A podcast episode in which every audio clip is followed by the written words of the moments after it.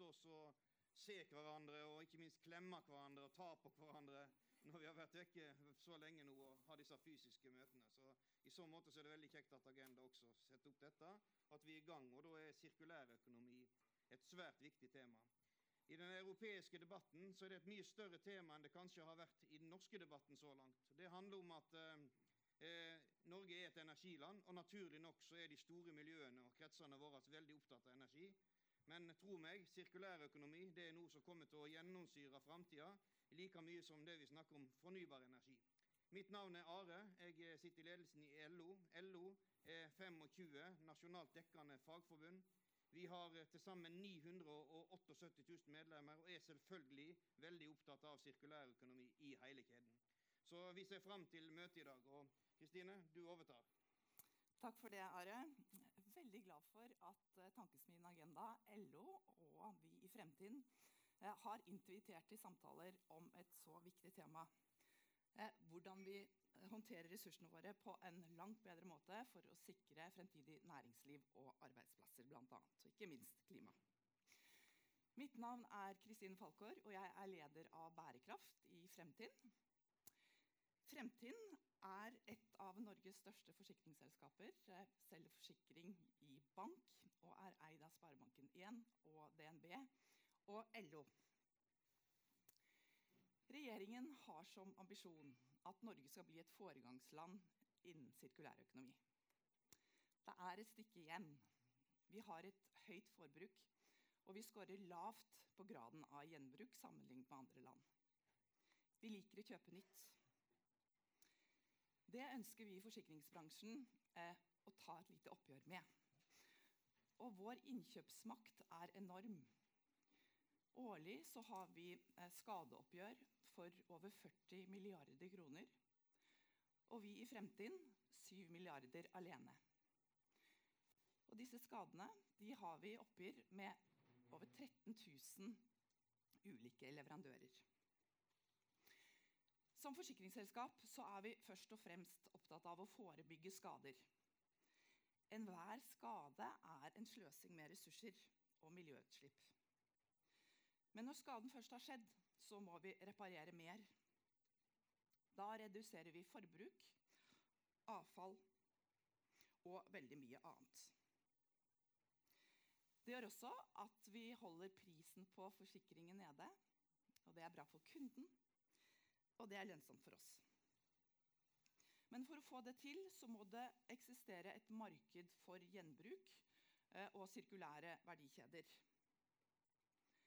gjennom våre strategiske innkjøp, eh, hvor vi ønsker å inngå avtale med leverandører som har produkter som lar seg reparere, som bruker brukte deler i reparasjon, og som har reservedeler, så kan vi bidra til nettopp dette. Og vi ser at det nytter. Årlig så mottar vi skader fem, på 50 000 eh, mobiltelefoner. Og For kort tid siden eh, så klarte vi å reparere omtrent 40% av dette. Nå er den andelen oppe i 80% Det betyr at vi årlig sparer 3500 tonn CO2 sammenlignet med nye mobiltelefoner. Og det tilsvarer 40 000 reiser, flyreiser eh, fra Oslo til Bergen. I fremtiden eh, så eh, mener vi også veldig mye om at dette handler om kunnskap. Som forsikringsselskap er vi nest størst i det norske forbrukermarkedet. Og vi forsikrer annethvert hjem i Norge, eh, bl.a. gjennom LO Innbo. Gjennom bankene og LO så kan vi sånn sett snakke til over tre millioner nordmenn.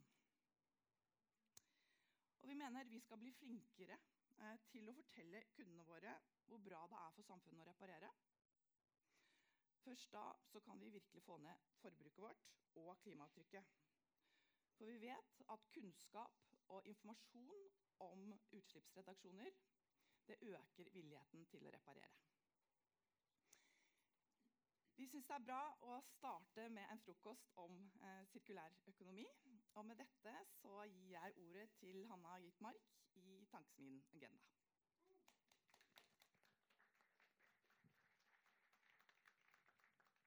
Tusen Hjertelig takk for det. Dette har jeg gleda meg veldig til. Vi skal ha flere paneler, vi skal ha gode innlegg og mange spennende folk på scenen. Så vi skal bare begynne. Og den første jeg vil gi ordet til i dag, er selveste klima- og miljøminister Espen Barth Eide. Vær så god.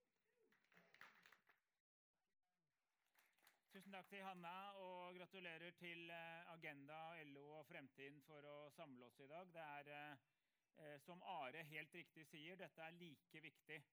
Altså Overgangen fra en lineær til en sirkulær økonomi er akkurat like viktig som overgangen fra en eh, fossil til fornybar energiverden.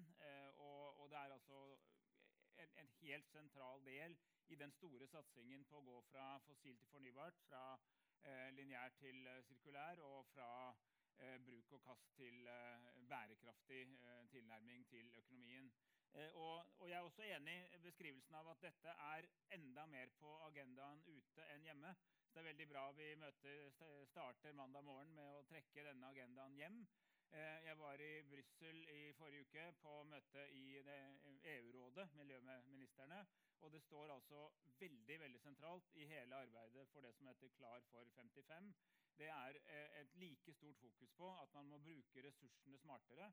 Altså at man, eh, man henter ut ressurs. I dag henter vi ressurser, bruker dem og kaster dem eller brenner dem opp eh, etter altfor kort tid. Nå skal man altså hente ressurser, bruke dem, forlenge bruken av dem, reparere dem ta dem ut igjen og bruke dem i nye ressurser og få sirkulære verdikjeder. Det er helt imperativt fordi vi har oppført oss som vi hadde mange jordkloder, og vi har enn så lenge bare én.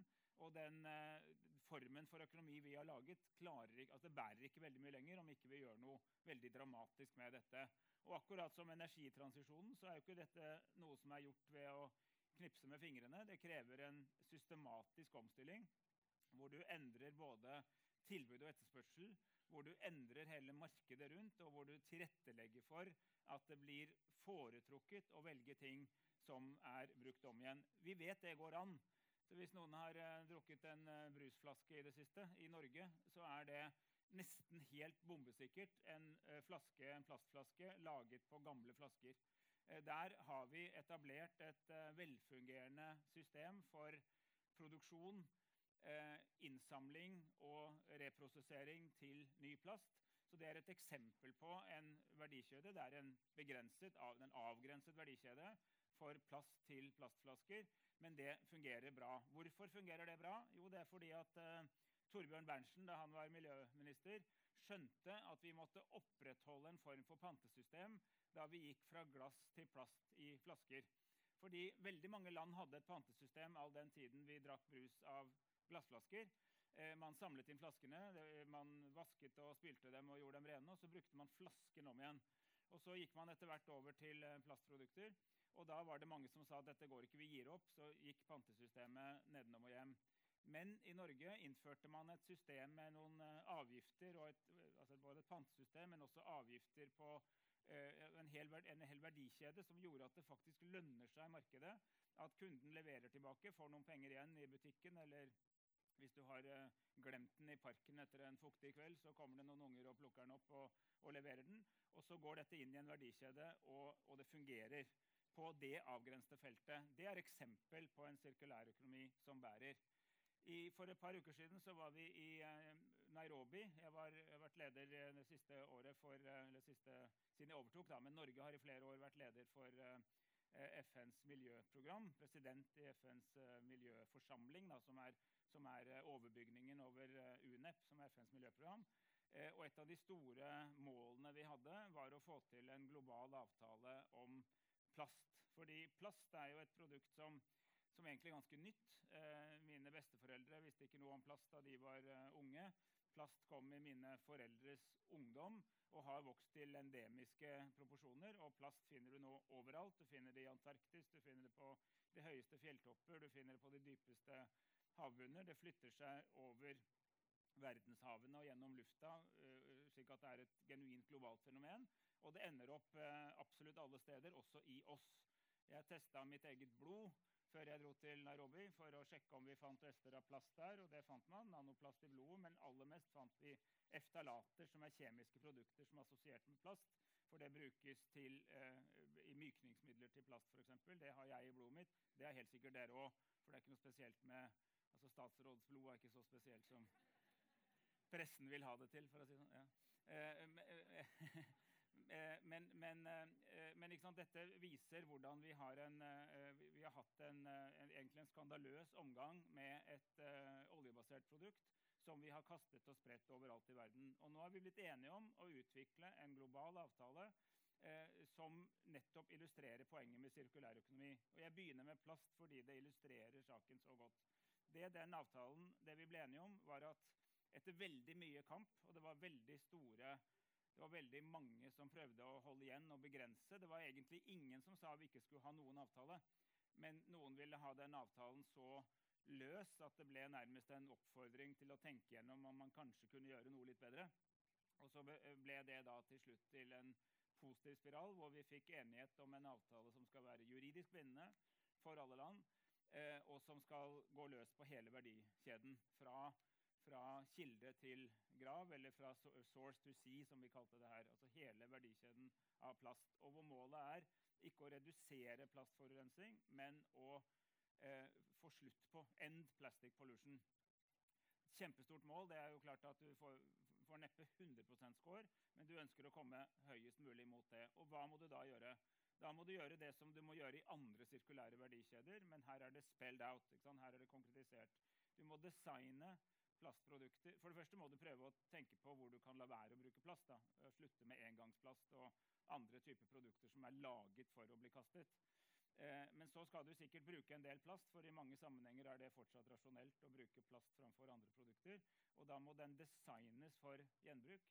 Da må den lages på en sånn måte at den kan brukes om igjen. For det fins type plast som enkelt kan bli til ny plast, og type plast som du ikke kan gjøre noe særlig med. Som du egentlig bare må forbrenne. Eh, så da må du bort fra den siste og fokusere på den første. Så må du få ut kjemikalier. Du må få en giftfri, altså en, en verdikjede fri for farlige eh, kjemikalier i plasten. Ellers så har du ikke noe særlig lyst til å resirkulere den, for du har ikke lyst til å resirkulere gift. Så må du lage systemer for innsamling. Eh, liksom verifiserbare systemer for innsamling. Og så må du ha en økonomi som promoterer gjenbruk. Da går du fra en lineær til en sirkulær verdikjede. Og det, eh, den, den, avtalen skal nå forhandles fram. Men, men, vi har i hvert fall et veldig solid mandat for, uh, for de forhandlingene. Noen ytre rammer for de forhandlingene. Det er på FN-nivå. Og det som er utrolig spennende med akkurat den avtalen, er at initiativet, eller forslaget, det, det utkastet som vant fram, og som ble lagt til grunn for forhandlingene, det kom fra det globale sør. Det kom fra Rwanda og Peru, støttet av mange andre land, også oss. Men det var liksom eid av Rwanda og Peru. Og det var altså land i det globale sør. Og det er viktig å vite at f.eks. afrikanske land har, går foran. Altså plastposer er effektivt forbudt i 20 afrikanske land. Du ser ikke en plastpose. Du får bot eh, på flyplassen, i prinsippet fire års fengsel. Jeg tror ikke så mange får, men, men det var strafferamme opp til fire år hvis du blir tatt med plastpose. Og det er ute av systemet. Det har skapt, et, det har skapt en verdikjede for andre typer handlenett som er vevet lokalt og alt mulig sånn. Men der har man klart å hoppe, hoppe over akkurat den fasen. Så er det masse annet her selvfølgelig. Men det er liksom et lite et lite eksempel på at noen ganger så trenger du ikke å være blant de rikeste for å gå i front. Det kunne vi godt la oss uh, inspirere her hjemme. Eller du må tenke på enda bedre sirkulære uh, løsninger. Og så er jo også Et nøkkelpoeng i alt uh, som dere alle som jobber med sirkulær, kjenner til, det er poenget med altså reduce, reuse and recycle. Altså at du, du prøver å begrense forbruket, altså ikke lage mer enn du trenger. Eh, og for å være mer bevisst på hvor mye nytt du trenger å bringe inn i verden, så må du bruke om igjen, altså forlenge bruken. Sørge for gjennom reparasjon og produsentansvar og på andre måter eh, bidra til at du har mer langvarig bruk. Og så må du resirkulere. Og det kan ikke sies ofte nok at det er ikke nok å komme på det med resirkulering når du er ferdig med førstebruken. Du må tenke på det fra designfasen. Så det å designe produkter for resirkulering er en ekstremt viktig del av dette. Vi har hoppet til et helt annet felt. Det kommer nå en voldsom eksplosjon i interessen for batterier. Altså alt som er relativt lite og skal kort i transportverden skal over på batteri. Alt. Alt som, inntil du når den størrelsen eller avstandskrav til at du må bruke hydrogen eller ammoniakk eller noe sånt. Det vil bli en voldsom vekst i batterier, og det er ingen tvil om at vi trenger masse mineraler og trenger mye industri for å løfte fram denne industrirevolusjonen, altså det som skal erstatte oljen i, i prinsippet i all transport. Men, men, eh, men eh, da er det heldigvis sånn at man nå i hvert fall i vår del av verden, har sagt at da må vi allerede nå tenke sirkulærøkonomien inn i batteriverdikjeden. Så Norge har nå, eh, har nå eh, klart å bli med i det som heter European Battery Alliance, som skal promotere raskere framvekst av en batteriøkonomi i Europa. Et av målene er, et mål er en grønt skifte, energirevolusjonen. På brukssiden. Det er også bærekraft. Og det er for å være ærlig også uavhengig, økt uavhengighet av andre regioner som har vært veldig dominerende, Kina og sånn, som har vært veldig dominerende i de markedene. Da er det man da prøver å bli enige om, er at batteriproduksjon i Europa skal skje med arbeidstagermessig etisk og miljøfaglig etisk produksjon av råvarer. Men så skal det også designes for gjenbruk, og så skal det lages gjenbrukskjeder med en gang. Fordi etter hvert når, etter hvert når alle har hatt et par elbiler, og etter, når alle ferger har gått på batteri en stund, og alle fly i kortbanenettet har gått på batterier, så vil de jo ha en masse brukte batterier. Da må vi tenke på det nå. Sant? Det er et konkret eksempel på, på sirkulærøkonomi i praksis. Og igjen dette med, eh, Vi er også tett involvert i arbeidet med REACH, som går på kjemikaliereguleringer. Der skjer det nå nærmest en revolusjon i hele tilnærmingen til hvordan man tenker kjemikalier. Og sirkulærøkonomien har, eller bevisstheten om sirkulærøkonomi har ført til en stadig økende interesse for hva slags kjemikalier som er tillatt, nettopp fordi i prinsippet så skal alle varer kunne brukes flere ganger, og da må du tenke på, på farlige substanser. Og Den revolusjonen som er i ferd med å skje nå, er at man skal gå fra å spesifikt forby eller begrense enkeltsubstanser, til mer generisk å si at giftige, farlige, helseskadelige, naturskadelige kjemikalier er i utgangspunktet forbudt. Og så må du argumentere for at det skal bli tillatt.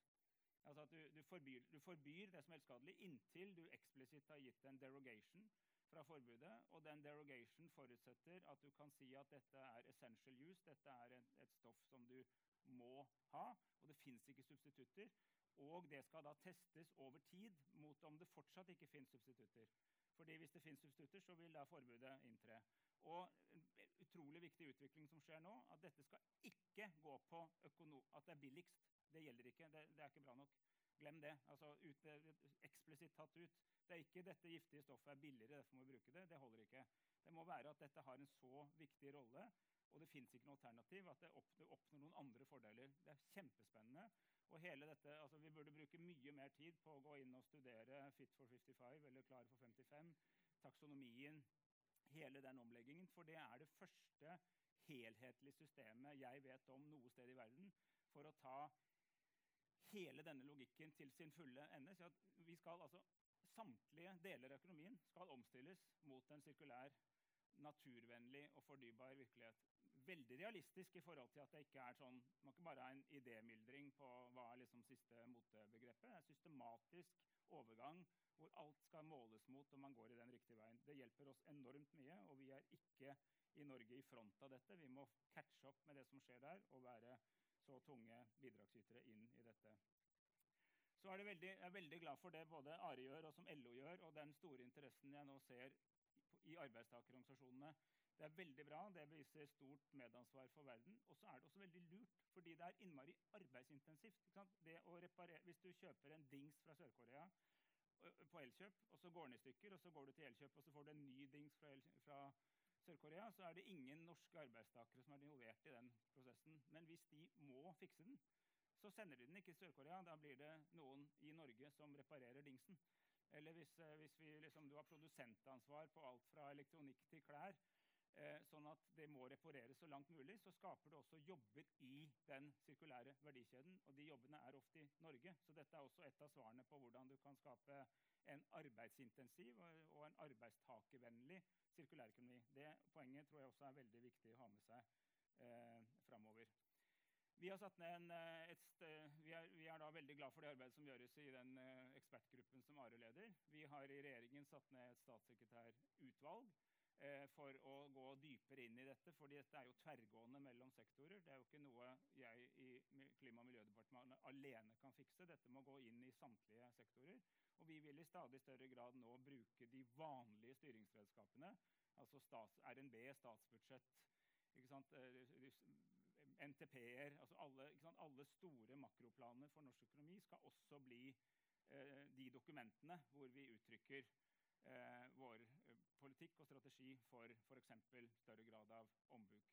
En spennende ting som vi nå utreder, er det vi kaller avgift på førstegangs bruk av ressurser. Det vil da være å velge ut noen sektorer eh, Straks ferdig, Hanne.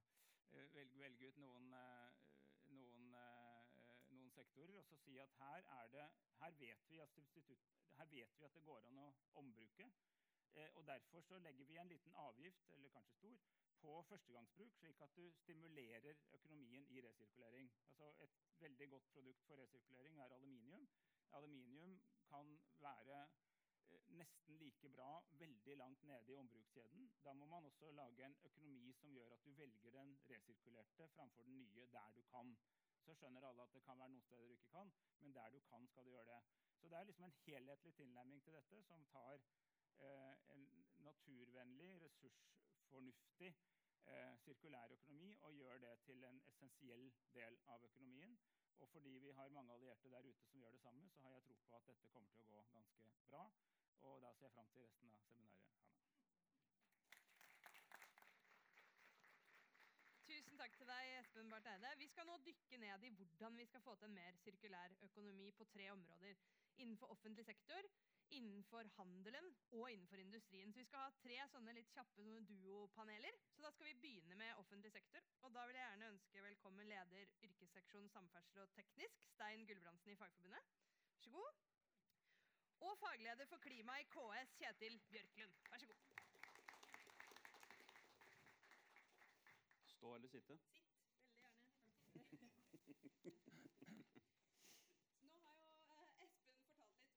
Veldig gjerne. Jobber med. Og I Hurdalsplattformen så står det altså at langsiktig og bærekraftig forvaltning av ressurser er et grunnprinsipp i regjeringens politikk. Vi må gå fra en lineær økonomi med bruk og kast til en sirkulær økonomi basert på tanken om at minst mulig ressurser skal gå til spille og måtte håndteres som avfall. Og da er jo mitt spørsmål til dere. Hvordan kan offentlig sektor bidra til dette, og da spesielt kommunene? Kjetil, I en helt ny rapport fra Deloitte som er laga for dere i KS, så slås det fast at norsk kommunesektor gjennom sine mange roller har gode forutsetninger for å bidra aktivt til omstillingen til den sirkulære økonomi. Hva betyr det? Nei, Det betyr vel ganske enkelt at vi som eh, de største aktører i de fleste lokalsamfunn f.eks. må bruke hele handlingsrommet, alt eh, man har eh, råderett innafor, og bruke det som en innsatsfaktor for å omstille til sirkulær økonomi. Det gjelder å integrere styrings og ledelse. Det gjelder å tenke på når man skal etablere sirkulære uh, industriparker. Det gjelder å tenke på det i anskaffelser, i planprosesser. Uh, med det utgangspunktet som Espen sa på engelsk, altså det å bruke mindre, bruke lenger, bruke rene ressurser og bruke om igjen. Det er vel egentlig hoved. Så bruke hele organisasjonen, alt man rår over, og putte det som innsatsfaktor inn i sirkulær økonomi. Stein, hvordan kan og dere som organiserer arbeidstakere i offentlig sektor, bidra til det? Altså, jeg tror det aller viktigste eh, sånn i, i, offentlig sektor er at eh, de tjenestene det offentlige finansierer og har ansvar for, at de drives med egne ansatte. Og, altså, hvis vi da ser på avfallsreduksjon, gjenbruk, eh, bruke kompetansen for dem som er i jobbene altså Hvis jeg tar da stjerneeksempelet eh, på det som fremstilles som satsing på klima, kollektivtrafikken i Norge. Altså, rutebusstrafikken i Norge er konkurranseutsatt. En eh, regneøvelse vi gjorde i Fagforbundet for 2018, så sier vi at eh, hele systemet gjør at eh, man kaster busser til en verdi av 550 millioner i året. Altså Man har en kontrakt som sier at disse bussene kjører i sju år, åtte år, så er det ingen restverdi. Eller det har ikke vært noen restverdi. Vi har eksempler på eksempler på at man hogger opp uh, bussparker. Mens uh, det altså En sånn Trøndelag-undersøkelse fra 2016 sa at de bussene som ble fasa ut da, var brukt to tredjedeler av levetida si. Sånn at det, altså sånn reduser, avfallsreduksjon, så er det å drive det med egne ansatte. Og så har du selvfølgelig det reparere. Det, som, det samme du får, er jo at når det nærmer seg utløpet av kontraktstid og anbudsperioden, så jukser man med vedlikeholdet. Altså det, sånn at det, det som eventuelt hadde vært av restverdi, blir ytterligere redusert. Og vi kan dra fra øh, renovasjonsbransjen, altså hvor vi har sett eksemplene etter at vi si lykkeligvis hadde de store konkursene i Veireno og Reno Norden. Altså hvor man da i noen år nå har satsa på å drive det med egne ansatte. Hvordan man klarer å bruke kompetansen til folk til å gjøre ting.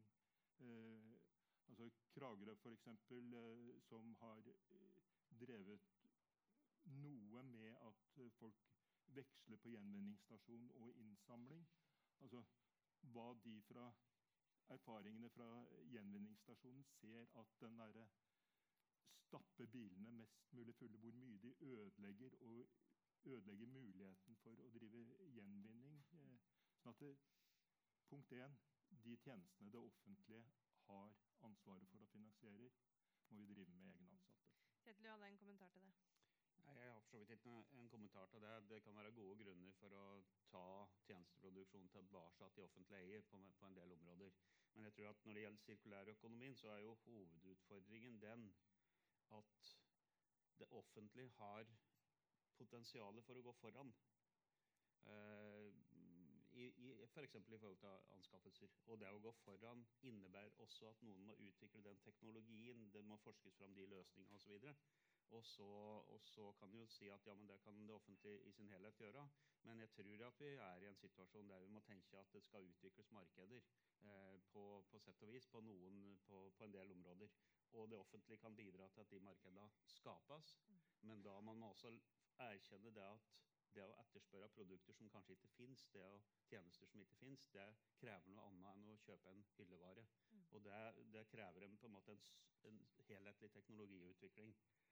Eh, og, og, så tenker jeg at offentlig sektor, i tillegg til å være tjenesteprodusent og innkjøper, er planmyndighet. Og det betyr i sirkulærøkonomien at det vi Deloitte sier det jo i et av kunnskapsgrunnlagene til regjeringen at hovedutfordringen med å, med å, gå over til en sirkulær økonomi er jo at vi har en lineær økonomi der alle virkemidler er organisert for å opprettholde og understøtte linearitet, og ikke bidra til betyr f.eks. at hvis vi ser på de reelle kostnadene av de naturressursene vi putter inn, og det er norske kommuners arealer, inn i dette, og ser på den reelle kostnaden på det, eh, så kan det hende at vi må tenke annerledes for å understøtte det som da er i andre enden av den økonomien. Det å bidra til å gjøre de mer arbeidsintensive operasjonene, altså ombruk, gjenbruk og det som vi vil mer inn i, mer lukrativt. Da kan det hende også at vi er nødt til å tenke at altså, Norske lokalsamfunn er jo bygd opp rundt lokale naturressurser. Alle norske lokalsamfunn er bygd opp med det utgangspunktet.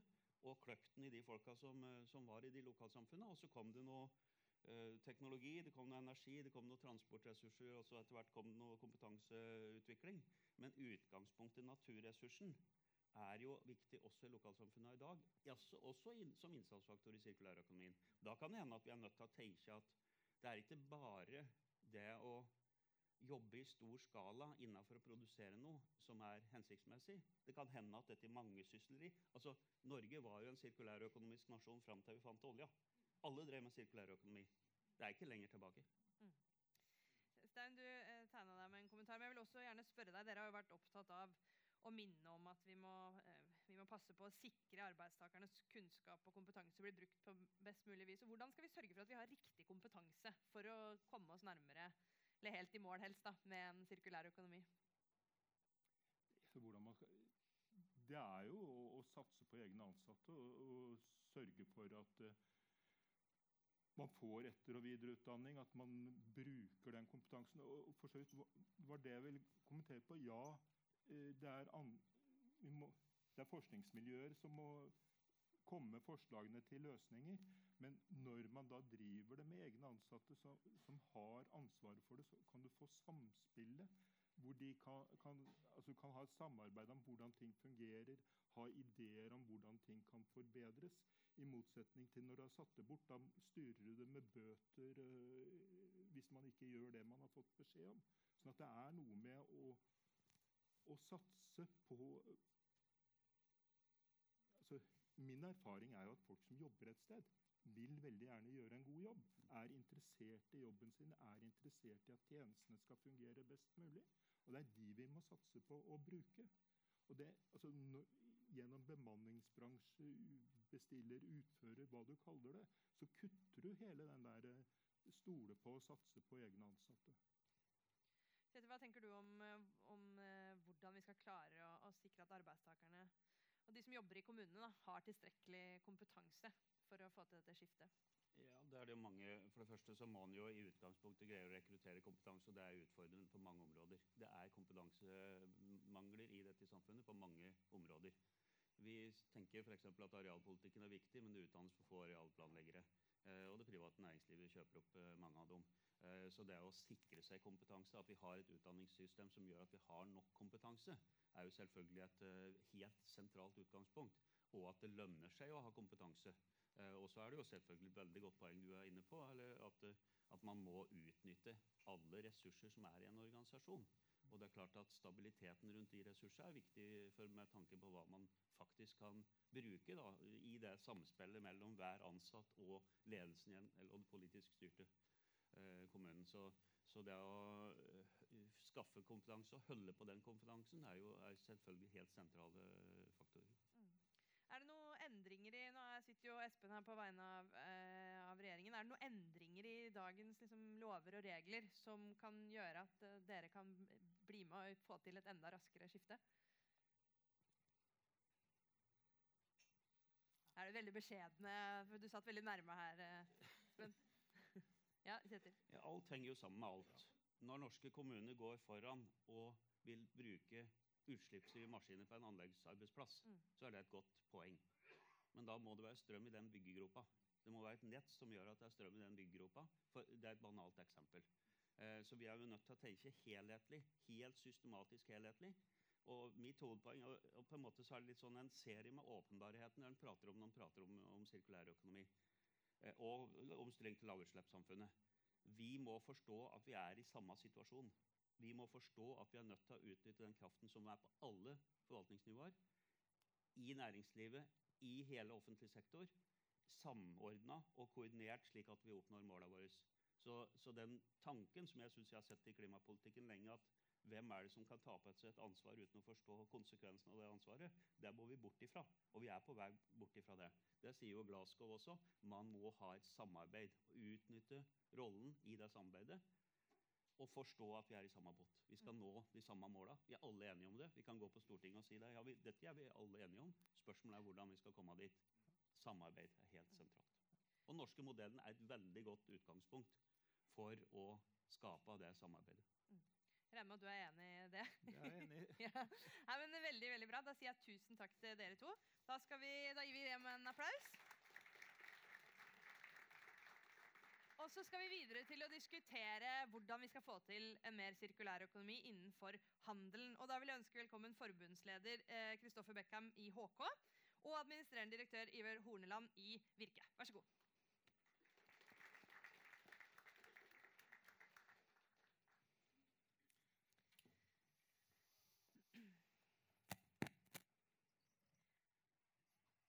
Den sirkulære økonomien blir av mange pekt på som løsningen for framtidas handel. Og flere peker på et stort potensial for nye handels- og tjenestejobber, samtidig som en overgang vil sikre en bærekraftig utvikling av både næringa og samfunnet. Men hvordan skal vi tenke sirkulært i, i handelen, og hvilke muligheter ligger i overgangen til en sirkulær økonomi innenfor handel? Begynner med deg. Det ligger mange muligheter. Jeg kan begynne litt med at eh, de Altså Handelen er den største sysselsetteren i Norge med 13 eh, Og det finnes overalt. Uansett hvor du drar hen, så er det et eller annet eh, tilbud som eh, drives av handelen i veldig mange områder. Eh, og så henger jo dette på mange måter eh, sammen. Men det største poenget er at eh, vi, hvis vi ser på hva vi fra 1990 til 2020 så brukte vi fra 7 milliarder tonn til 90 milliarder tonn i liksom nye råvarer. Så hvis du ser på den kurven der, så har vi jo et problem. Det gjelder jo for hele økonomien. Og du kan si at Handelen da blir jo på en måte den siste delen hvor vi leverer noe til meg og deg som forbrukere. Så dette er jo en verdikjede som henger sammen, og vi er jo nødt til å ha fokus på omlegging av dette. Hvis ikke vi har det, så hjelper det ikke å lage energiløsninger. Vi klarer ikke de målene i, landet vårt hvis vi liksom bare er på diskusjon om nye energiløsninger, som i seg selv er viktig. Vi må ha helheten med. Og vi forbruker 26% mer. Altså Vi er ganske gode på å forbruke dette landet, så vi må trekke inn det òg. Og da er litt poenget mitt at det, det, ligger en unik mulighet for oss hvis vi begynner å jobbe med disse verdikjedene. Og i handel nå så er det noen områder. nemlig på byggeområdet, på elektronikkområdet, tekstil. Iallfall tre store områder. Men en av utfordringene er at utslippene som Når jeg og du kjøper en vare, da, så er jo de utslippene fordelt over lang tid. Så de ligger kanskje andre steder enn i vårt eget regnskap. Sant? Sånn at når vi ser på utslipp fra en oljeplattform, så kan vi måle det. Ille, dette må vi få ned. Mens utslippet på en måte fra de varene vi kjøper, henger jo sammen. Derfor må vi få opp oppmerksomheten på dette. Men det jeg har lyst til å si er at jeg opplever at det er økt bevissthet dette nå, både globalt, det er økt bevissthet på en måte lokalt, og vi har veldig mange av de store husene som jobber med oss her hjemme, er jo opptatt av hvordan de skal få dette til. Og så et siste punkt, poeng til. De fine globale verdikjedene som var supereffektive, de har vi fått litt trøbbel med. Vi fikk litt korona som gjorde at det ble tull og tøys. Og så fikk vi noe trøbbel med konteinerne på feil sted. Og nå har vi jaggu en ny krise som også stiller krav til oss. Mm. Det betyr at selskapene må tenke annerledes. Jeg tror det kommer til å bli flere lokale verdikjeder. Og det siste er jo selvfølgelig det som går på reparasjon. Og der har vi enorme muligheter. Vi gjorde en undersøkelse sammen med LO og noen andre.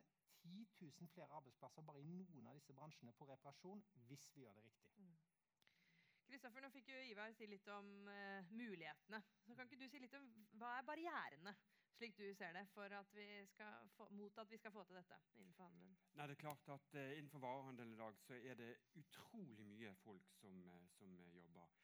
og hvis vi skal få til den, den, grønne omstillingen som vi i utgangspunktet trenger, så Ivar meg helt nødt til å ha myndighetene med. Vi er nødt til å finne ut hvordan kan vi få de ansatte med på laget. for det, det, det nytter ikke at vi sitter på Youngstorget eller oppe på Soli plass og diskutere dette. Vi må også ha arbeidstakerne med ute på arbeidsplassen. Og Da er det klart at da må vi ha kompetanse, en storstilt kompetansereform innenfor norsk arbeidsliv. Og vi må ha bransjeprogrammer som er målrettet inn mot det grønne skiftet og, eh, og sirkulær økonomi. Og Det er klart at eh, vi har, det sies at det skal skapes 10 000 nye arbeidsplasser i, i fremtiden i sirkulær økonomi. Samtidig så vet vi at vi vil tape arbeidsplasser.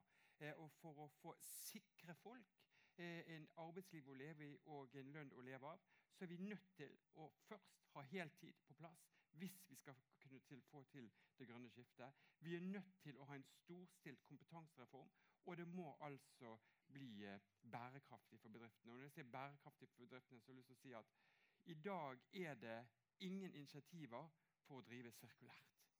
Eh, I dag er det sånn at Hvis jeg skal reparere en glidelås i jakken min, som jeg faktisk skulle gjort, Eh, så er det billigere for meg å kjøpe en ny jakke enn å gå og reparere den glidelåsen. Mm. Hvorfor skal vi ha moms på disse tjenestene i en tid der vi skal få det sirkulære i gang? Hvorfor kan ikke myndighetene gi mer forskningsmidler og mer tilskudd til denne næringen, sånn at vi kan få på plass en sirkulær økonomi, en god driver? Dette vil skape arbeidsplasser, eh, samtidig vil skape nye næringer. Og til syvende og sist så er det staten som er nødt til å ta kostnadene for de som ikke kommer i arbeid. Så dette er faktisk en vinn-vinn. Mm. Ivar, her var jo Kristoffer inne på flere som var mitt neste spørsmål. Hva trenger dere av rammeverket, av politikerne? Er du enig i de forslagene som han, han trekker fram her, eller de tingene han mener er nødvendig? Ja, absolutt. Men jeg vil si liksom lønnsomhet, lønnsomhet, lønnsomhet. For å bruke et, eh, en trebokstavsvariant som eh, mange andre har brukt. Men, men, det ligger faktisk litt i det. Og, og når Kristoffer drar opp dette med reparasjon altså, det er medlemmer hos oss som legger til rette for dette i dag, men det, det er jo helt utrolig. Altså, vi har en brukthandelslov som gjør at du har masse byråkrati for å i hele tatt få lov å selge dine egne produkter som kunden leverer tilbake, i din egen butikk. Så vi har altså regelverk som er tilpassa en tid som vi er forbi. Så det er masse å gjøre på lovveien, men hvis du tar regnskapssiden òg altså eh, Vi kommer jo fra industrisamfunnslogikk. Eh, du kan altså avskrive hele varelageret ditt, og det er liksom regnskapsteknisk mer lønnsomt, men det betyr jo at du ødsler med ressursene. Så det er masse sånne ting å gå løs på. Men det interessante er at de som har prøvd seg da med reparasjon, har jo opplevd veldig mange utfordringer. Jeg synes dette med å fjerne momsen på reparasjon det ville boosta det. Men det er òg virksomheter som ønsker kanskje å ha en reparasjonsenhet som skal kunne levere til f.eks. det skandinaviske markedet. Da har de tollproblemer. Hvis du skal flytte en vare du tar inn i Sverige til Norge, trøbbel. Sånt er det masse av, og det må vi få vekk, sånn at det blir lett for disse bedriftene som vil gå i front. Og så vil jeg slå et slag for det med, med kompetanse. og det er jo interessant altså. Vi har jo lagt ned noen fag, altså F.eks. det å reparere elektronikk. Da har vi liksom ikke så mange fagarbeiderplasser som vi burde ha. Vi har heller ikke den utdanningen vi har. Det er noen år siden vi la ned det noen steder. Sant? Vi må jo få dette opp igjen hvis vi skal få reparasjon av småelektronikk inn som en del av det, samtidig som vi stiller krav til at produsentene, og det gjør de store kjedene nå, de vil at de faktisk skal kunne være mulig å reparere. Og som Fremtiden nevnte her, så er det faktisk mulig å få til. Så det er masse småstein som må ryddes unna, men vi må ha fokus på det. Og da er det virksomheter som er villige til å stå i front og være med sammen med de ansatte. Vi, vi sier jo, eh, altså Ivar og meg er veldig enig i dette. Og vi sier jo ofte at eh, butikkmedarbeiderne i dag eh, de er nødt til å ta en kompetanse som gjør at de en, får et fagbrev som syer, skredder eller skomaker. Som er en integrert del i den bedriften de jobber i. Warner-gruppen f.eks. en norsk, stor norsk kjede kunne vært en pådriver for dette. Men da må vi altså ha bedriftene må ha muligheter, og vi må ha en stor kompetanseform for å få dette på plass. Kjetil Bjørklund fra KS i stad nevnte at den norske modellen er på en måte en, en eh, forutsetning eller en, en, god modell for å få til ting. Og det vet vi jo fra Norge. at Når vi har brukt eh, den norske modellen og partssamarbeidet, har vi fått til store ting.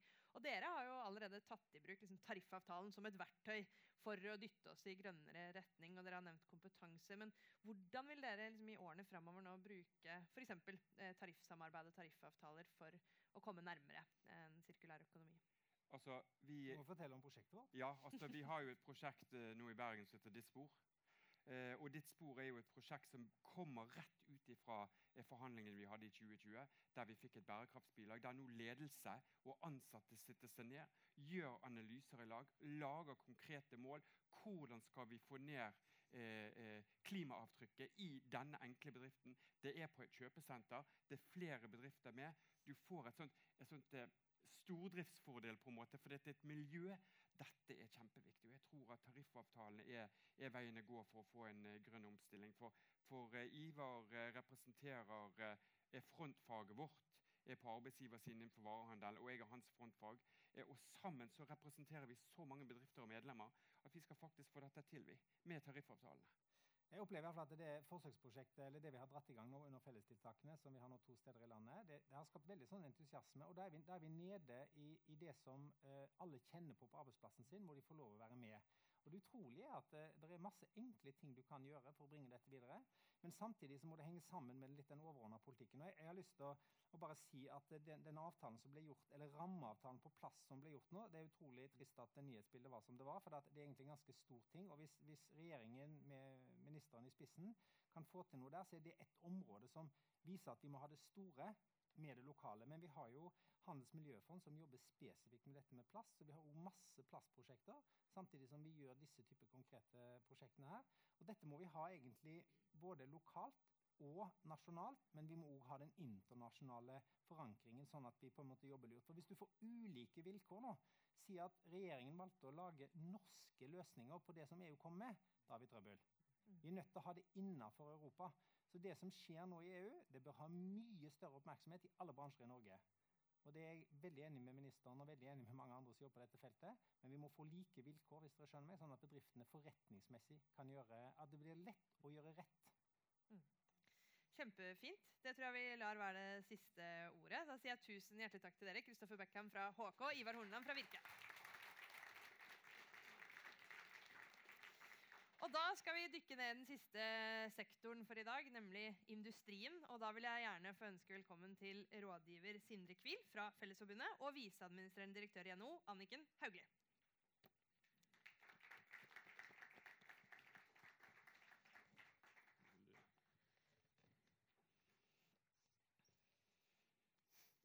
Mange stoler. Det var mange stoler, ja. Em, regjeringen skriver også i Hurdalsplattformen at de både vil satse på industri og jobber i Norge knytta til resirkulering av materialer, og legge bedre til rette for at norsk eksportindustri kan framstille resirkulerbare og resirkulerte produkter. Så hvordan får vi til det? Jeg begynner med deg, Anniken. Hvordan skal industrien bidra til å få til dette? Ja, nå gjør jo industrien allerede ganske mye. Det er mange gode eksempler på ledende industribedrifter som gjenbruker eh, det som før var avfall, som blir eh, ressurser i, for andre eh, bedrifter. Vi har sett innenfor Elkem, eh, Yara, Veas og, andre gode eksempler på det. Jernia etterlyste jo mer skrap her for ikke så lenge i en stor, i en stor annonse. Så, så det gjøres allerede ganske mye. Vi har jo tatt et initiativ overfor eh, fiskeriministeren annet, om muligheten for å dra fiskefôrproduksjonen hjem ved å bruke materialer fra bl.a.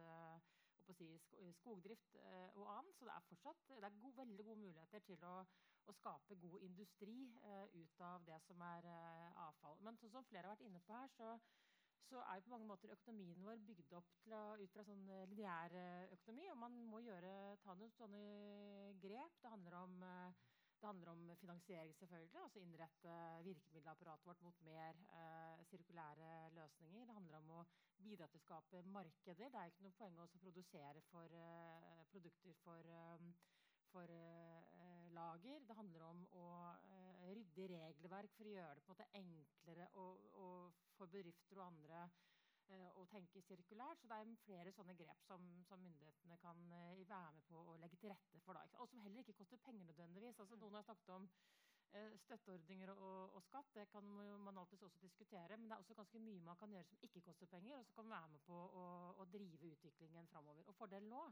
er jo at det er et helt annet momentum nå enn det det kanskje har vært eh, tidligere. Eh, Statsråden og jeg vi hadde jo gleden av å delta i Glasgow, og det som kanskje var for meg i hvert fall veldig øyenfallende der, var jo hvor tilstedeværende eh, næringslivet var. Og det er jo selvfølgelig også fordi at næringslivet ser nå forretningsmuligheter i det grønne skiftet, og det er veldig positivt. Sindre, hvordan jobber industrien med dette i dag? Anniken sa jo at her, eh, her ligger industrien foran. Det skjer masse ting allerede. Hvordan jobber de? Dere organiserer jo mange av de som skal jobbe og, og få til dette. Ja, stemmer det. Eh, industrien har jobbet i lang tid egentlig med disse spørsmålene. Eh, og det gjør jo at norsk industri er jo en unik eh, setting, siden man er hoppsi, verdensledende på å eh, bygge ting av kvalitet. Eh, ta vare på ressursene bedre. Eh, et eksempel er jo prosessindustrien, som i, i 1996 sto for 16% av avfallet i Norge. Og i dag, så, i 2015, så sto det for 3% Så det har på en måte skjedd en stille revolusjon innenfor industrien. Eh, mye av den eh, hva skal man si det, litt eh, vulgær kanskje, billige driten som vi på en måte importerer fra, fra langt borte, eh, det produserer ikke den norske industrien noe særlig lenger. Eh, vi produserer liksom kvalitetsvarer som gjerne holder lenger, eh, og som er dyrere. Og det er innenfor en lang rekke områder, enten det er innenfor offshore-installasjoner, der det er gode produkter, til liksom kontormøbler, Haag, Ekornes, ting som er, er bedre. da. Eh, Så det er jo, sånn sett så er jo håper industrien kanskje bedre posisjonert når det gjelder disse utviklingene og kravene som skjer innenfor sirkulærøkonomi, og mer forberedt på det da, enn kanskje en, en vi som er forbrukere som uh, tror at uh, så lenge vi kjører elbil, så er på en måte mye problemer løst. For du har både en klimadimensjon i din samfunnsutvikling som er nå, men også en miljødimensjon, da, og med, med de bærekraftsmålene som vi alle er enig i. Og her må, her må man på en måte legge til rette for at eh, industrien kan i stadig større grad utvikle og bli enda mer sirkulære, og forbruke ressurser på en, en fornuftig måte. Da. Men dere har jo fått til ganske mye allerede, som dere begge to er inne på. ligger langt foran. Hva har, hva har vært viktig for at dere satte i gang så tidlig, eller har, har sett disse mulighetene for lenge siden? Tror Norge har en del komparative fortrinn. eh, Og det som er flaks for Norge, er jo at det, det som er våre komparative fortrinn, er jo også bra for eh, klima. ikke sant? Eh, Vi har jo si, alltid levd av naturressursene våre. Det betyr at vi er gode på å utnytte eh, ressursene våre. Og vi har jo også eh, ikke minst tilgang på billig og ren eh, kraft til vår eh, energi eller til vår industri. Og, og nå gjelder det også på en måte å sørge for at vi fortsatt har tilgang på eh, ren og billig energi til fortsatt in industriutvikling. Eh, og så gjelder det nå også å få opp eh, tempo når det gjelder å utvikle de nye grønne løsningene. Det var viktig før invasjonen av Ukraina å skalere opp og utvikle mer energi til eh, Norge, og som vi kan eksportere til utlandet. Og det er enda viktigere etter invasjonen av Ukraina, nå som Europa skal eh, gjøre seg mindre avhengig av russisk eh, olje og gass. og Rent konkret så sier man det nå at man skal redusere eh, tilgangen på russisk gass med to tredjedeler innen dette året. Og hvis ikke vi klarer å skalere opp og få tempo opp eh, i tilgangen på fornybar energi, så risikerer Europa å gå inn i en resesjon. Så vi har faktisk veldig dårlig tid, og Norge har gode muligheter til å nettopp få opp energiproduksjonen, til å fortsatt forsyne norsk industri eh, og husholdninger, men også ikke minst til å, til å eksportere også til vårt eh, egen kontinent. Og det handler jo også om forsyningssikkerhet, som er, eh, er uh, veldig viktig. Og så kan jeg ta et forhold til som, som kan også være en motor i dette skiftet. og Det er jo det som for man var inne på her tidligere, nemlig offentlige anskaffelser. Offentlig sektor eh, handler for er det 650 milliarder eh, årlig. Det betyr at man har en enorm, eh, et enormt potensial til å, eh, til å legge trykk bak skiftet ved å stille strengere krav til bærekraft. og Da snakker vi om sosial bærekraft. Det kan være, det kan være lærlinger og annet. Og det kan være også uh, si, klima- og miljøhensyn. Mm. Sindre, hva, hva, tenker du hva må til? Annike var inne på flere ting. Hun snakka om som skatt og, og, subsidier og sånn, men så sa hun det fins også ganske mange ting som ikke koster penger. Hva, hva, er det viktigste for dere? Hva tror dere er det viktigste for å øke sirkulærandelen? Jeg tror det viktigste er på en måte fortrinnet vi har hatt i Norge. At mange av de bedriftene som har lykkes og som er gode på dette, her, har jo på en måte satset på fast ansatte. Eh, satset i Norge. Eh, og, og liksom, ja, gjort at eh, man har måttet utvikle bedriften for å kunne takle lønnsnivået i Norge og satse på kvalitet og kompetanse. Eh, og så er det flere av de tingene som NHO er inne på, som vi er absolutt opptatt av. Eh, kompetanse er jo, er jo viktig. Fagbrev og utvikle etter- og videreutdanning som gjør at man i enda større grad eh, får muligheten til å håndtere eller klarer å håndtere disse ulike ressursstrømmene og, og produktene. Eh, offentlige anskaffelser er veldig viktig. Eh, et marked er jo veldig viktig for disse produktene. Eh, vi har jo sett lenge at norske industri har klart å produsere ting med et lavere klima- og miljøbelastning enn andre land. Eh, men så har det på en måte ikke vært et marked som er villig til å betale det det koster ekstra for det. Eh, og her er det viktig at det offentlige går foran og liksom stille enda høyere klima- og, og miljøkrav. Da. Eh, for det hjelper liksom ikke at, eh, at, norsk industri har muligheten til å levere på bedre klima og miljø hvis, hvis de kravene er såpass lave at, eh, at ja, ferger bygges i Tyrkia istedenfor i Norge. Så det er viktig. Og så er selvfølgelig virkemiddelapparatet viktig med Forskningsrådet, Enova og Innovasjon Norge. Der kanskje Forskningsrådet er mest frempå, men der er det liksom å legge til rette for sirkulær tankegang og, og, skape verdikjeder og bidra på det er, er viktig. Uh, og så er vi alltid tilhengere av miljøavtaler og samarbeid da, mellom bedrift og ansatte og myndigheter, uh, som gjør at vi sammen kan nå mål. Da. For det er viktig at ikke vi ikke stiller krav som gjør at bedriftene forsvinner ut av landet, men at vi stiller krav og legger til rette for at bedriftene kan utvikle seg i Norge. Da. Det må vi gjøre hvis regjeringens ambisiøse ambisjon om å doble eksporten fra fastlandsindustrien skal skje i løpet av 20, innen 2030. Hva tenker du, Anniken? Hvordan skal dere bruke dette partssamarbeidet som vi også var inne på med HK og Virke, for å mm. nå målene om en høyere sirkulærandel? Ja, altså det er ingen tvil om at uh, et godt partssamarbeid har vært en fordel for uh, Norge i generasjoner. Altså det er et konkurransefortrinn at man kan jobbe sammen, enten om det er på fabrikkgulvet eller om det er også i trepartssamarbeidet. Det er jo, når man på det er jo kanskje i når det virkelig røyner på, hvor man ser verdien av det også. Vi så det under pandemien, og vi kommer til å se det nå som vi står i en stor uh, omstilling. Og det, jo, det, har jo Norge tradisjon og kultur for, i hvert fall de siste 100 åra, at man jobber tett sammen når oppgavene skal løses. Og så er det også viktig at nå, man passer på at det ikke blir veldig særnorske eh, avgifter, f.eks. Eh, det kan gjøre at man konkurrerer industrien ut av eh, landet men at vi tvert om heller kobler oss tett på eh, EU. Så statsråden var inne på nå, Det skjer voldsomt mye nå i EU. Det kommer til å komme en, en, en, eh, ganske omfattende regelverk som følge av eh, Fit for 55 og Green Deal. Eh, og det at Norge kobler seg tett på det, vil være bra. Det betyr at det vil bli like konkurransevilkår for norske virksomheter som med de eh, europeiske. Eh, og, og, Norge, nei, og EU løper virkelig foran nå. Men det er i hvert fall viktig at man passer på at man har konkurransekraften. At man ikke nå eh, gjør noe som eh, kan høres veldig fint og flott ut, men som i neste omgang kanskje konkurrerer oss ut av eh, landet. Men det har jeg veldig god tillit til at vi faktisk klarer å, å få til. Ikke minst fordi vi nå er så tett koblet på det europeiske eh, rammeverket, heldigvis. Tusen hjertelig takk til dere, Sindre Kvile og Anniken Hauglie.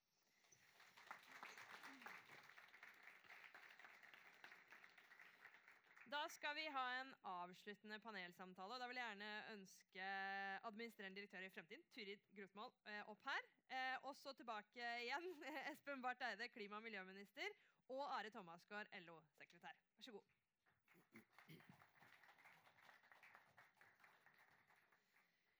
Vi har nå fått høre fra eh, tre ulike sektorer om hvordan det jobbes med den sirkulære økonomien i dag, og hva de mener skal til for å utnytte potensialet som ligger i framtida.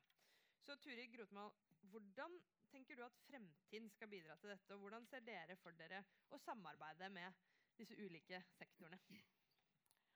Altså Først så har jeg lyst til å si tusen takk for uh, at dere arrangerer noe som får da en kvinne i min alder til å våkne med et smil om munnen klokken fire i dag morges og tenke at liksom, juhu, nå skal jeg få snakke om noe jeg eh, liksom brenner for.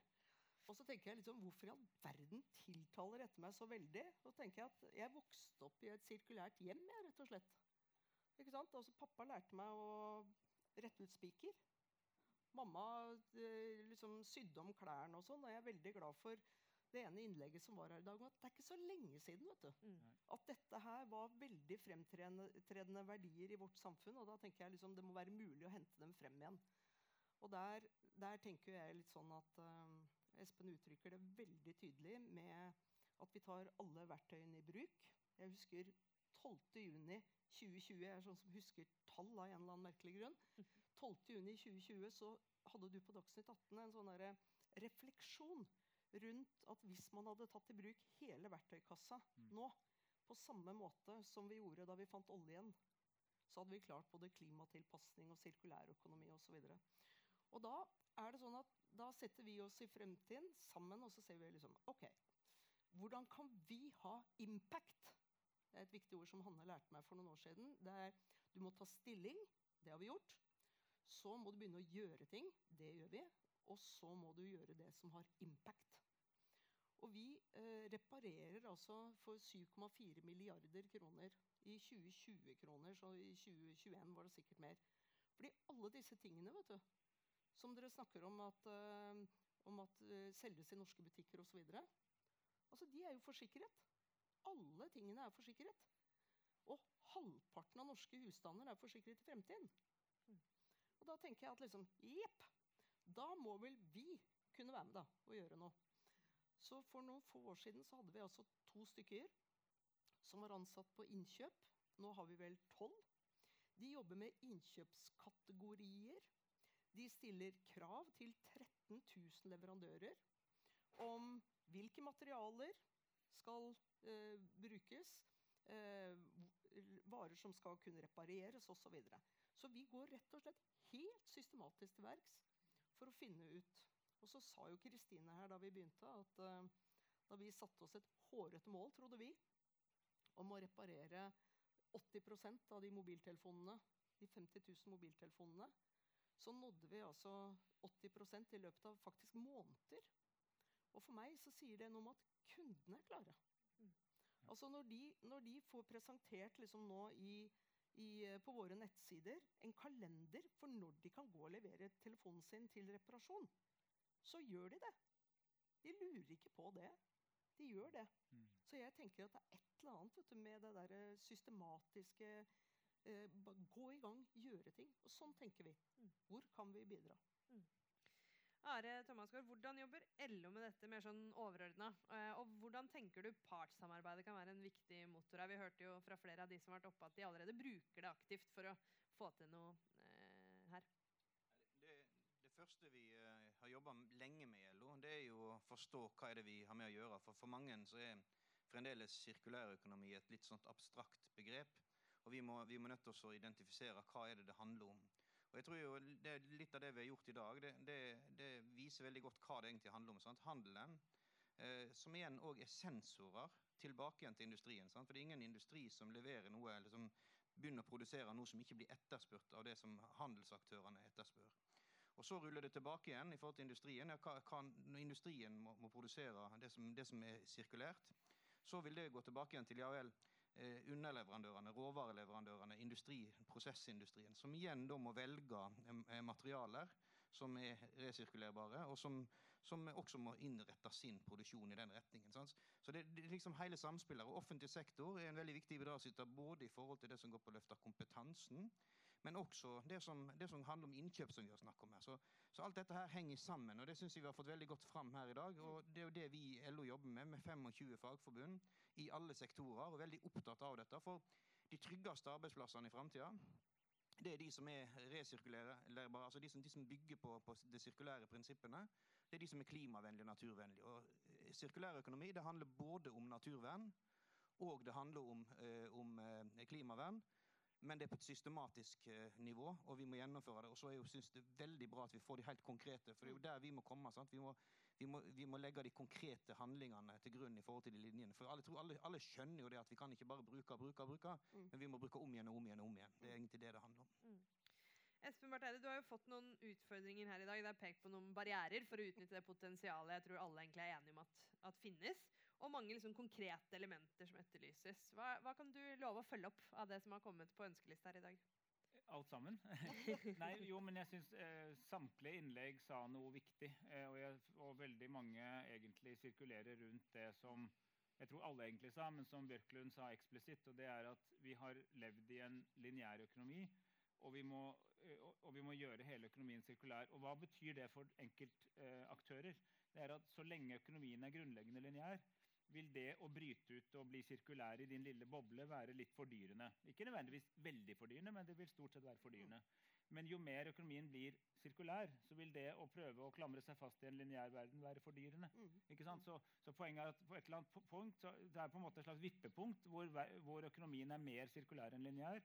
Og da får det en, en, en slags sånn kaskadeeffekt, for da blir det fryktelig dumt å holde seg i den gamle økonomien som alle andre har forlatt.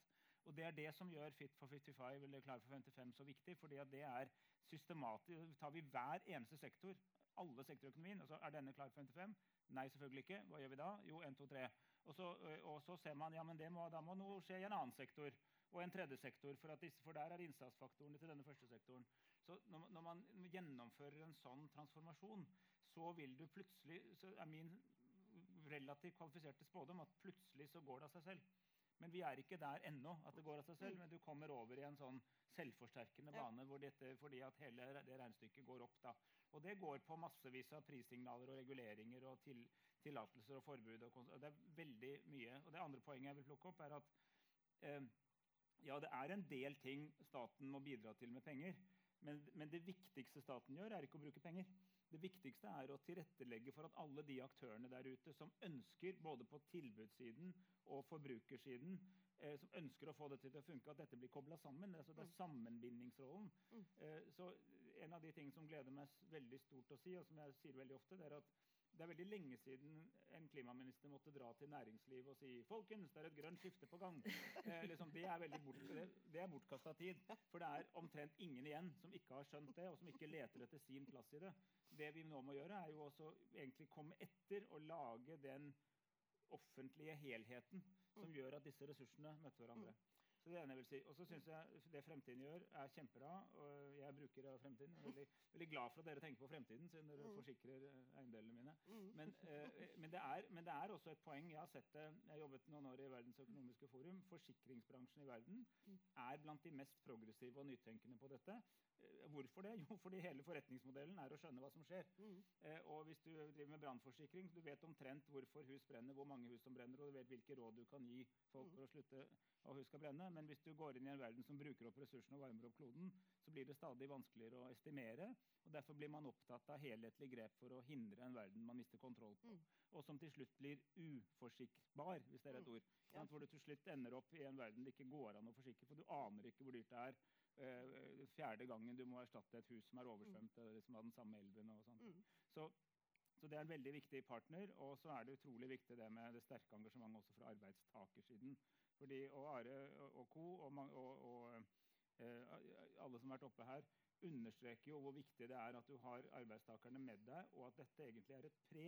Altså Dette er en mulighet, dette er en sjanse for å skape nye jobber. Jeg tror at handelsstanden, altså Butikken er jo truet av postordre fra Kina. Eh, jeg tror det lager en mer sirkulær økonomi bygger en ny relasjon til butikken. Hvor butikken ikke bare er sted du slenger innom for å kjøpe en ting første gang, men du har en varig relasjon. Mm. Sånn som man hadde liksom, til urmakeren i gamle dager. Da. Du både kjøpte uret, men du gikk tilbake når det ikke funka. Mm. Her om dagen skal jeg reparere sportklokken min. Det var fordi at Den fungerte helt utmerket. Dyr, moderne sportsklokke, men den lille knappen spratt ikke ut igjen. Det tror jeg er mangel på en liten fjær.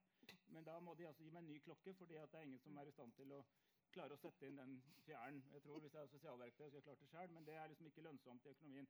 Altså Det må være bort fra det der ikke sant? og komme over til, Mm. til eh, eh, altså en bevissthet på at det smarte er å Mm. reparere og bruke om igjen og tenke ressurser og, og samla verdi. Og da, da tenker jeg at Kristoffer sa noe viktig også, for du, du sa at det var liksom den som jobber i en butikk, må oppfatte seg som at man jobber i en butikk som også er et uh, skredverksted eller et uh, sykkelreparasjon eller hva det måtte være. Og jeg tror det er noe med det der mentale også. Det er ikke bare liksom, kompetansebiten, men det er også liksom Vi har dyrket en sånn servicegreie som går veldig på pølsepenger, pølsepenger, og så plutselig så kommer du og sier at 'hvordan skal jeg få skiftet glidelåsen i denne jakken?' Mm. Og da kan det ikke stå en bak disken som sier 'hæ?' Det kan de ikke gjøre. ikke sant? Det er feil svar. Men, men, men, men jeg kunne ha lyst til å bare spørre deg, du som jobber med så liksom, Jeg skal jo hjem og lese Klar for 55, bare så det er Mm. sagt. Men du som jobber med så veldig sånn komplekse problemstillinger Jeg tenker at kunne, du ikke, kunne ikke vi to bli enige om at du griper fatt i noen av de enkle først? Mm. Um, for eksempel så har vi en sånn avfallshåndteringslov som ikke har vært oppdatert på 15 år. Mm. Det er mye som tyder på at den kunne trenge en renovasjon. Um, det er også sånn at er, Pling. Pling, ja.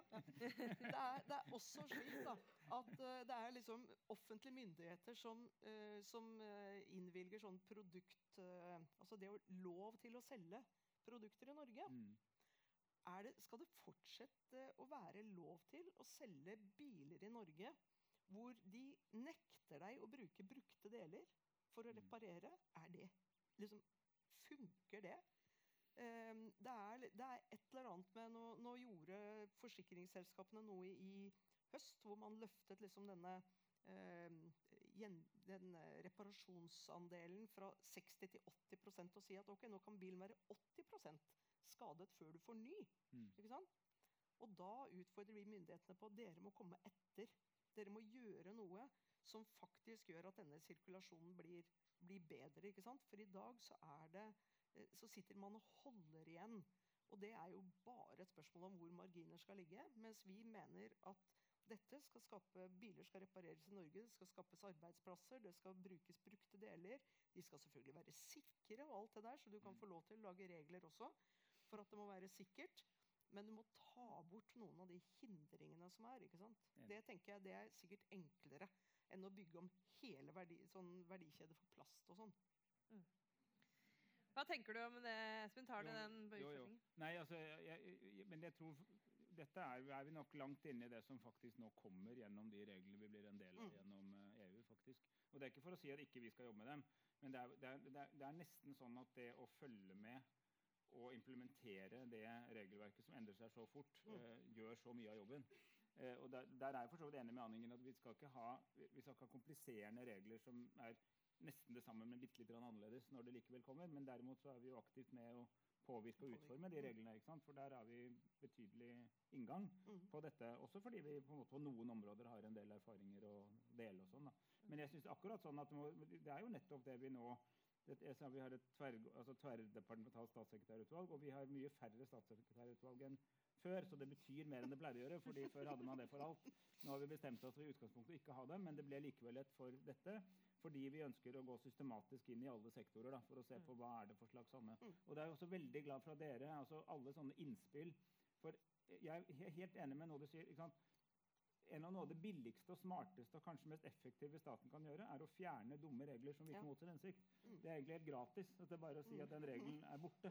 Og den kommer en ny og smartere regel. Koster bare papiret det er skrevet på, et Mm. vedtak i Stortinget. Det er litt kalorier.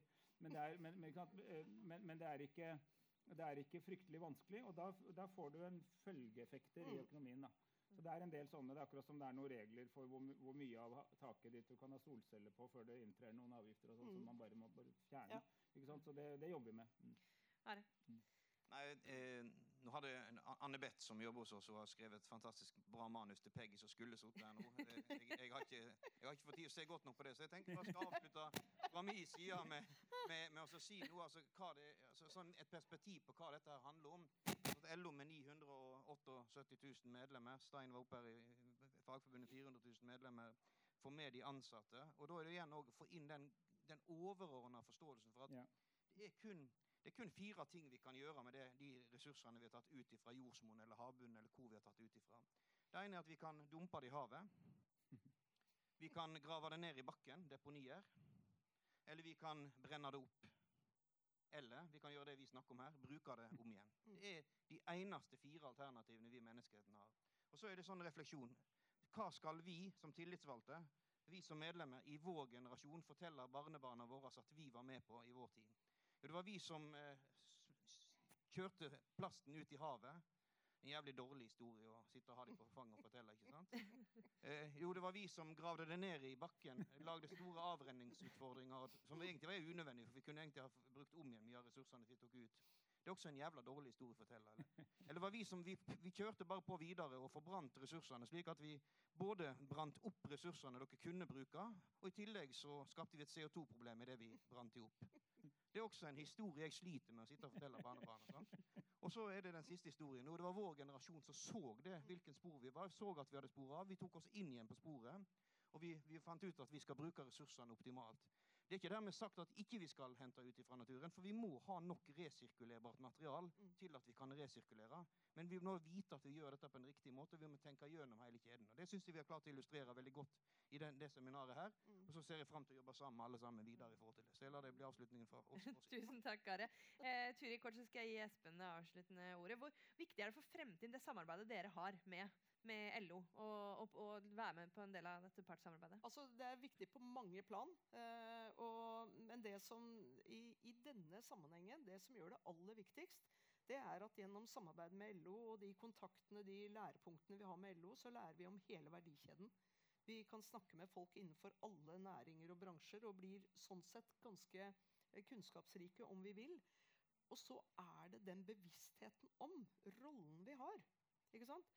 Eh, vi har altså rollen som forsikringsselskapet til 978 000 arbeidstakere i Norge. Og det betyr omtrent 50% av norske husstander.